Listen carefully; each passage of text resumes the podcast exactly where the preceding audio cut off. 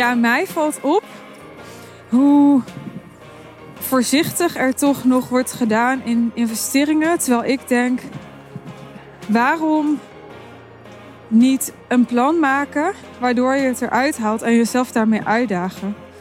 Where are those people, weet je wel, die dat gewoon doen?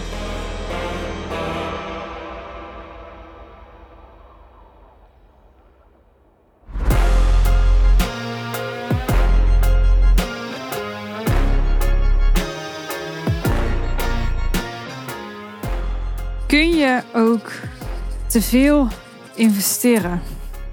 Ik loop buiten met Abby, mijn hondje. Het regent, het is echt heel vies weer. Maar ik ben wel heel gelukkig met um, zomertijd. En met dat de dagen langer zijn. Ik vind dat zo fijn. Jij zit nu uh, onder mijn petje. Ik heb maar even een pet opgezet. Want ik vind nat haar altijd zo vies. Dus uh, ja, ik heb een soort afdakje. En daaronder hou ik mijn oortje. Nou, dan heb je een beetje een idee van de setting. En ik wil het dus met je hebben over: kun je ook te veel investeren? Ik vind dat een interessant vraagstuk, omdat ik het zo ontzettend veel met ondernemers over investeren heb gehad. En ik me ja, mateloos boei met dat er ondernemers zijn die echt miljoenen bedrijven hebben. Die het veel lastiger vinden om 50 of 100.000 euro te investeren. Dan ondernemers die um, 2, 3, 4 ton doen. Ik heb gemerkt dat de mate waarin uh, mensen, hoeven natuurlijk niet alleen ondernemers te zijn, kunnen ook niet ondernemers zijn maar laat ik het dan even hebben over mensen B2B, dus in de businesswereld. Dat de mate waarin die willen en kunnen investeren niet zoveel afhangt van wat ze verdienen, maar veel meer afhangt van hun ambities, hun bereidwilligheid, hun uh, zelfvertrouwen, de cultuur waar ze in zitten, hun omgeving. Het zijn allemaal factoren die meespelen. En ik vind het interessant om dit met jou te delen, omdat als jij hier naar luistert, jij even bij jezelf kunt nagaan van hey, hoe heeft bijvoorbeeld mijn omgeving eigenlijk invloed op de mate waarop ik bereid ben om te investeren.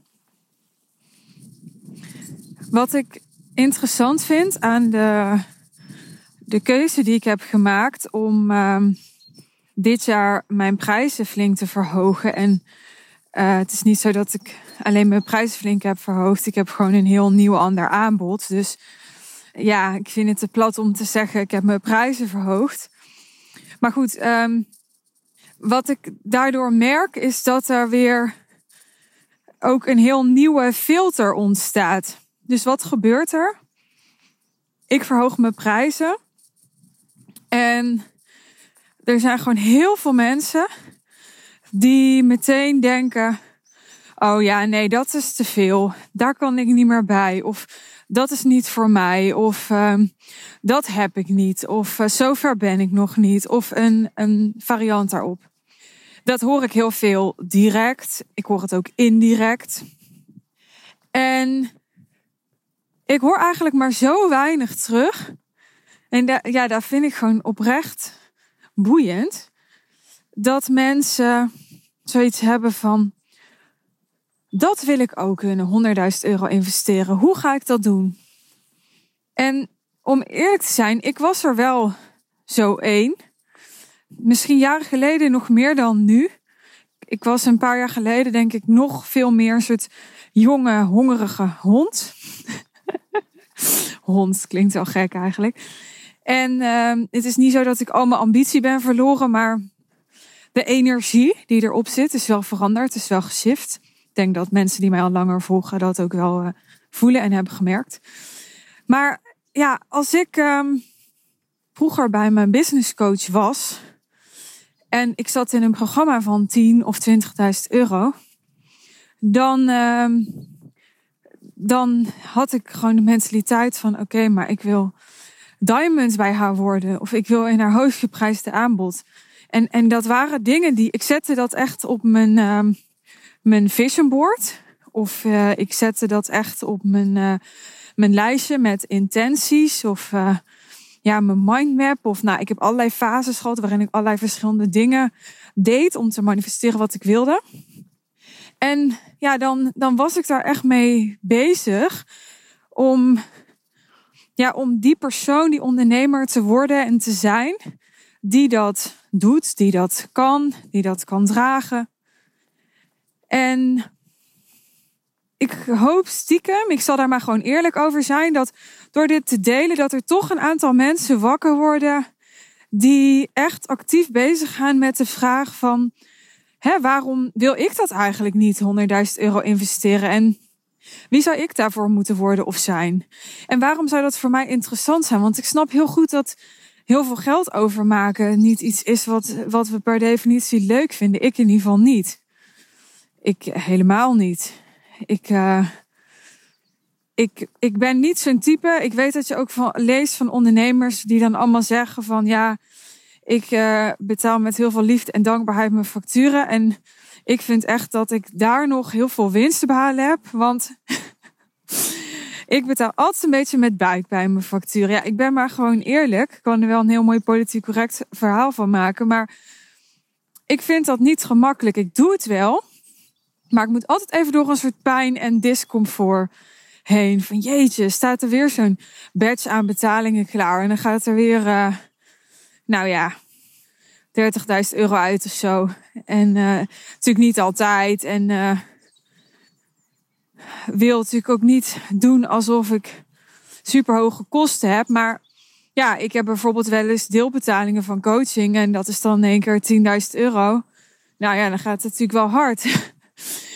Dan heb je nog, uh, ja, uh, 6000 euro en teamkosten. En dan heb ik nog uh, de kosten aan mijn podcast. En um, dus ik hoef ook weer niet te doen alsof het niks is, want zo is het ook gewoon niet. Maar goed, um, ik was bij. Ik snap dat je het op zich niet een feestje vindt om uh, 100.000 euro over te maken. Of welk hoog bedrag dan ook. Maar het is toch super vet om iemand te zijn die dat gewoon overmaakt en, en dat gewoon kan doen. En daar misschien pijn van heeft, misschien niet eens zoveel pijn meer van heeft. Maar ja, en, en nou weet ik dat er mensen zijn die luisteren en die denken, ja, ja, dat is ook vet. Maar ja, daar ben ik dus nog niet of dat kan ik dus nog niet of zo. En, en eigenlijk is dit bijna nooit waar. Ik ga nu iets zeggen wat misschien wat controversieel is, maar ik denk dat zelfs iemand die startend is en die gewoon nog helemaal geen omzet maakt, zo'n investering zou kunnen doen. Ik bedoel, als een starter die startend is en nog bijna geen omzet maakt, 40 of 50.000 euro kan investeren, uh, wat ik ook heb gezien en meegemaakt, ja, waarom dan geen 100 in alle eerlijkheid? En natuurlijk, op het moment dat jij een aanbod hebt van 3000 euro en je ziet jezelf nu niet meer vragen dan 10.000 euro bijvoorbeeld. Ja, ik zou je niet aanraden dan om te beginnen met een aanbod van 100.000 euro. Zou niet mijn advies zijn. Maar er zijn gewoon starters die allerlei kwaliteiten en ervaring hebben waardoor ze heel snel kunnen vliegen. Die dat heel snel kunnen terugverdienen. Zoveel is 100.000 euro nou ook weer niet, met alle respect. En ja, die zichzelf echt klein zitten te houden, omdat ze denken dat ze, weet ik veel, wat nog allemaal moeten, of een aanloopfase nodig hebben, of ja, kan van alles zijn. En uh, dan vind ik starters, of starter, een breed begrip. Want ja, starter kan zijn dat je echt nog helemaal niks hebt. Nou, daar, uh, ja, daar vind ik, dat moet sowieso niet bij mij zijn. Uh, al een tijd niet meer. Daar, ja, ik word daar ook gewoon niet excited van, zeg maar. Ik, ik ben gewoon op mijn best als, ja, als er al something running is. Maar een starter kan dus ook iemand zijn, wat mij betreft, ja, die uh, een jaar bezig is en die het gewoon al best wel goed doet, maar die echt nog in de, in de bouwfase zit en in de opstartfase, meer dan bijvoorbeeld in de scalefase. Dus die echt nog aan het initiëren is. Die echt nog ja, zijn uh, ervaring aan het opdoen is met wat is voor mij het beste, meest passende, meest transformerende high-end aanbod. Ja, die echt nog bezig is met prijsverhogen. En als ik naar mezelf kijk, bijvoorbeeld. Ik ben, uh, denk ik. Nou, je zou, ik volgens bepaalde definities ben ik nu nog steeds een starter, hè? Dus het is altijd maar net waar je het mee vergelijkt. En in welke scene je zit. Maar ja, even volgens mijn eigen kaders, denk ik. Ik ben eind 2017 begonnen. En wat ik zag is dat ik uh, tot, ja, ik denk de helft van 2021, tot uh, dus ja, bijna twee jaar geleden, was ik in die zin aan het starten dat ik echt nog, uh, nou, ik wil niet zeggen heel erg aan het groeien was, want dat kwam eigenlijk juist daarna. Maar toen was ik nog, um, ja, toen was ik alles nog wat meer aan het ontwerpen. Was ik nog meer mijn plek aan het vinden in de markt. En daarna kwam er een fase. En toen wist ik precies wat ik wilde, wat ik aanbood, wat ik ging doen. Wist ik, ik doe twee keer per jaar de high level sales one intensive. Ik wil zoveel mensen in de real deal. En was het gewoon een kwestie van de acties nemen en die optimaliseren. En dat wil niet zeggen dat ik niet meer bijstuurde along the way. En dat er helemaal niks meer te ontwerpen was. En dat alles gewoon stond. En dat het alleen maar, ja, herhalen of dubleren of wat dan ook was. Nee, dat, uh, dat zeker niet. Maar het was wel echt een andere fase met een andere energie. En um, ja, als ik erop terugkijk, dan denk ik: oké, in die eerste fase uh, was ik er bijvoorbeeld echt niet aan toe om 100.000 euro te investeren. Maar in die tweede fase, toen ging ik ongeveer van 2 ton naar 7 ton in een jaar. 7,5, zoiets. Echt meer dan keer drie. Toen had ik dat echt best wel kunnen doen. Ik heb dat toen niet gedaan. Maar achteraf denk ik, was best wel slim geweest. Ik, uh, ik had toen misschien best wel slim moeten of kunnen investeren in echt uh, bijvoorbeeld één op één coaching bij iemand die super goed is met high-end business model, internationaal of zo. En dat heb ik niet gedaan. En uh, nou, dat was allemaal niet erg, want ik uh, groeide nog steeds wel. Maar het, ik heb wel daarmee, denk ik, het mezelf moeilijker gemaakt. En um, het is daardoor wel best wel een, nou, ook wel een eenzaam proces geweest. Ik merk steeds meer dat bijvoorbeeld zo'n 100.000 euro offer, ik vind dat ook heel erg passen bij mensen die zeggen, ik wil ook echt investeren in een soort emotionele support. En ik wil gelijk nu al zeggen hoe ik dit bedoel, want ik denk een business coach is niet je therapeut, is niet je buddy, is niet je vriendin. Weet je wel, is niet iemand die je belt als je er doorheen zit om even je hart te luchten of zo. En tegelijkertijd is het voor sommige fases en voor sommige ondernemers die de waarde ervan kunnen benutten, juist wel heel erg passend om die emotionele support ook bij je business coach te kunnen vinden. En dus niet bij een therapeut of een vriendin. Waarom niet? Omdat die die emotionele support op een bepaald level niet kunnen bieden. Want ze weten niet waar je doorheen gaat. Want ze zijn daar zelf niet doorheen gegaan, waarschijnlijk. Tenzij je vriendin, ja, een succesvol ondernemer is die verder is dan jij zou kunnen. Maar zelfs dan zou ik zeggen, nou ja, betaal dan die vriendin om die functie te vervullen, omdat dat veel zuiverder is. Hè? Dus omdat ik denk dat je, dat je dan ook veel meer haalt uit, uit haar waarde. Wat, ja, wat, wat gewoon in jullie beider belang is. Dus nou ja, je kan meerdere clues halen uit deze aflevering, wat jij natuurlijk zelf wil. Maar ja, mij valt op hoe voorzichtig er toch nog wordt gedaan in investeringen. Terwijl ik denk, waarom niet een plan maken waardoor je het eruit haalt en jezelf daarmee uitdagen? Where are those people, weet je wel, die dat gewoon doen? Die gewoon voor zichzelf een plan maken van oké, dit zou er voor mij moeten gebeuren of dit is er voor mij nodig. Waardoor het voor mij aantrekkelijk is om 100.000 euro te investeren.